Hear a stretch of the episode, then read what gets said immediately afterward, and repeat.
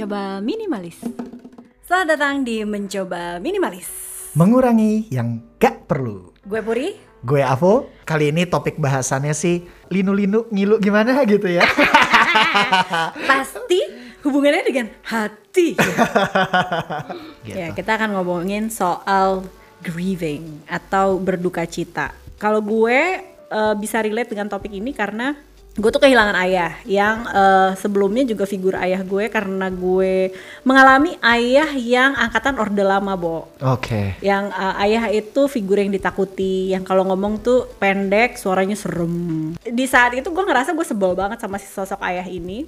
Beliau meninggal dunia itu pas gue 20 something. Gue inget banget saat beliau pergi, gue tuh nggak nangis tuh pas momen beliau pergi. Gue tuh jadi kayak io buat nyokap gue ngurusin urusan pemakaman. Jadi lo nggak punya kesempatan untuk oh gue kehilangan bokap gue gitu Iya. ya sampai akhirnya gue inget banget gue nangis kejer parah bokap gue udah dimakamin udah masuk yang lahat segala macem ternyata bokap tuh baca buku yang sama sama yang gue baca itu bukunya Eckhart Tolle waktu itu yang gue tuh nggak pernah mikir sosok kayak bokap gue tuh bisa baca buku kayak gitu wah itu kayak gue ambiar gitu kan dan gue nggak bisa selesaiin itu Nggak bisa di-rewind? Bo- nggak bisa bokap gue udah pergi gitu terus nah gue sih pengen tahu sih gimana ya closure-nya ketika orang itu udah nggak ada Mungkin kalau ngomongin soal duka cita sendiri, yang paling uh, memukul gue itu adalah ketika gue kehilangan salah seorang sosok mentor.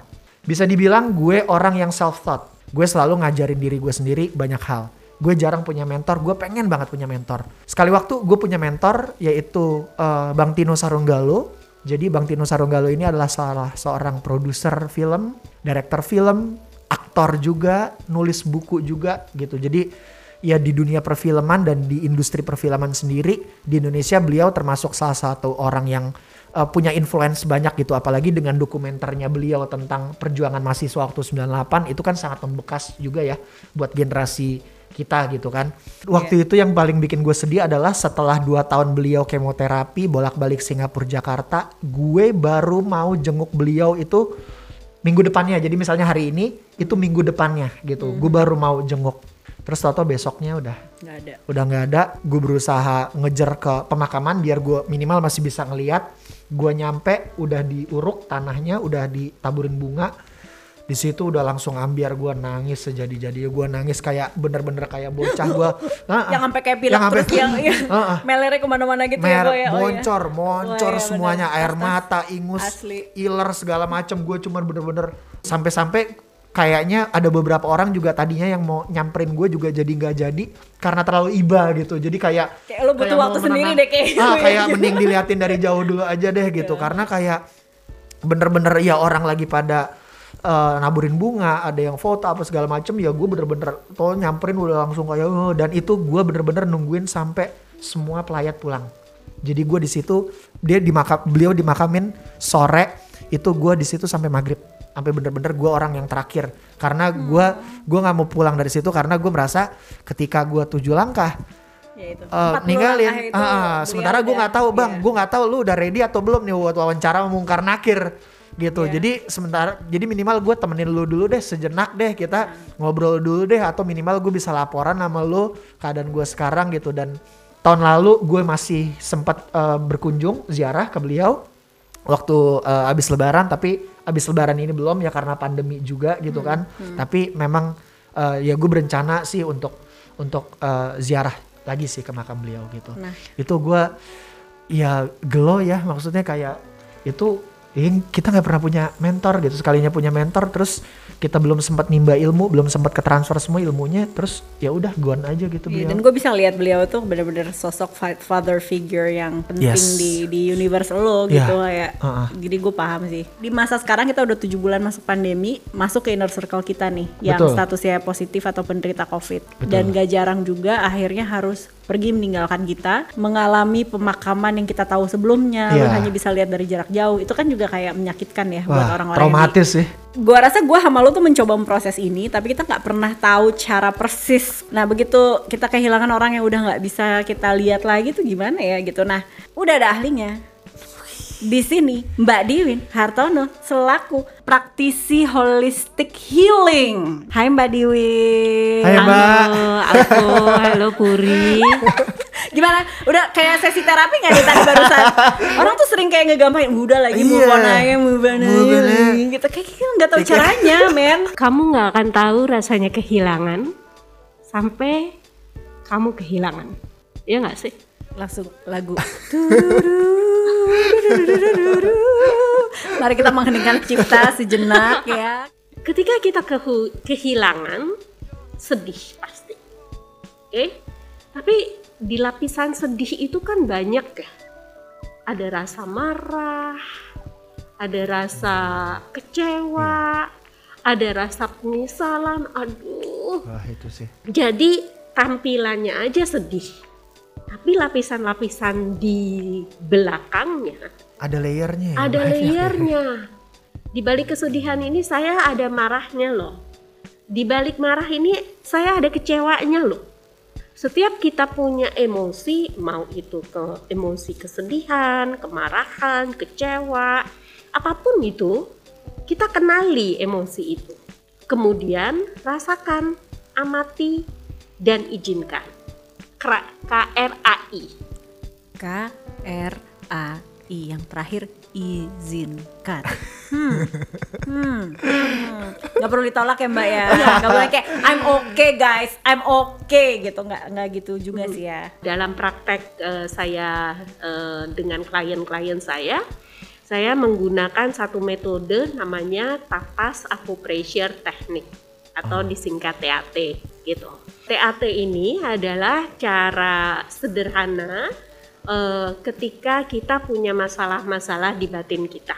Kalau emosi itu adalah figuran film, Oh oke. Oke. Ya, ya. Terus kemudian kan kalau figuran tuh kadang-kadang kalau dia belum dikasih scene, ntar dia bolak-balik bolak-balik Iya. gitu kan. Iya benar benar. Benar benar benar. Dia pikir kalau dia bolak-balik bayarannya ekstra Iya kayak iya gitu. iya iya. Iya kan? In frame terus gitu Iya ya kan? ya ya ya. Nah, tapi begitu dia dikasih satu scene dikit aja. Udahan dia kan. Iya, iya, so, iya. emosi kita juga begitu. Kalau dia lagi bolak-balik bolak-balik balik gitu, oh oh oh, oh oke, ada figuran nih yang mau nampil. Kita kasih spotlight dia. Nanti juga kalau dia udah puas, dia akan minggir sendiri kan. Eh, scene-nya habis selesai. Cut gitu. Iya iya. Udah iya. toh? Nah, Tapi kita juga ngebuka eh, ini ya eh, platform buat teman-teman yang lagi dengerin Yes. eh, atau yang udah gabung di Instagram kita Ya. @mencoba minimalis untuk nanya. Eh, ini udah ada yang masuk. Halo Avo dan Puri, ah gua David nih mau tanya sama Mbak Diwin, ah, ada masalah di gue karena baru cerai sama eh, mantan istri dan punya anak umur 4 tahun. Ah, jadi pertanyaannya adalah kira-kira gimana solusi yang terbaik dalam co-parenting karena setiap gua ketemu sama mantan istri gua ah, masih terjadi keributan, sering terjadi keributan. Ah, kira-kira gitu pertanyaannya. Thank you. Eh, thank you David untuk pertanyaannya. Kalau menjawab pertanyaan David rada kompleks ya. Iya. Karena ada dua manusia yang masih berselisih, tetapi kemudian ada satu manusia yang harus diasuh oleh dua manusia yang masih berselisih ini. Eh, sebelum saya eh, jawab pertanyaanmu, saya akan sedikit bilang segini masa pembentukan karakter seseorang itu ada pada saat golden age Oke. which itu adalah umur 0 sampai 8 tahun. Oh sampai 8 tahun ya mbak ya? Iya. Oh, Oke oke. Nah, di umur 0 sampai 4 tahun dia punya energi kepada kedua orang tuanya itu masih sangat tight ya. Oke.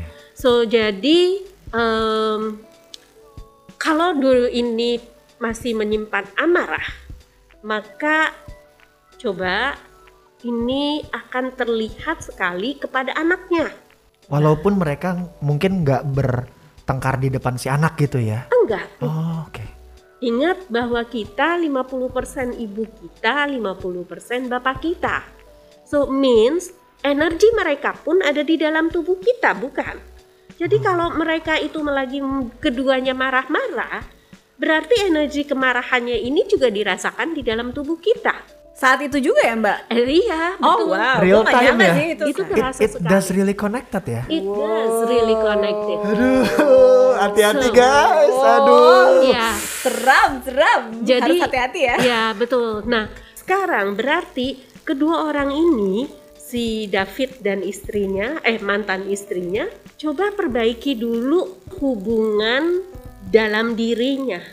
Aksi tidak bisa kita kontrol, tetapi reaksi bisa kita manage, bukan kontrol. Bisa kita Manage, manage. Manage-nya kenali, Rasakan, aku amati, amati, dan izin. Izinkan. Yang gue Izinkan. inget izinkan dulu nih ujungnya.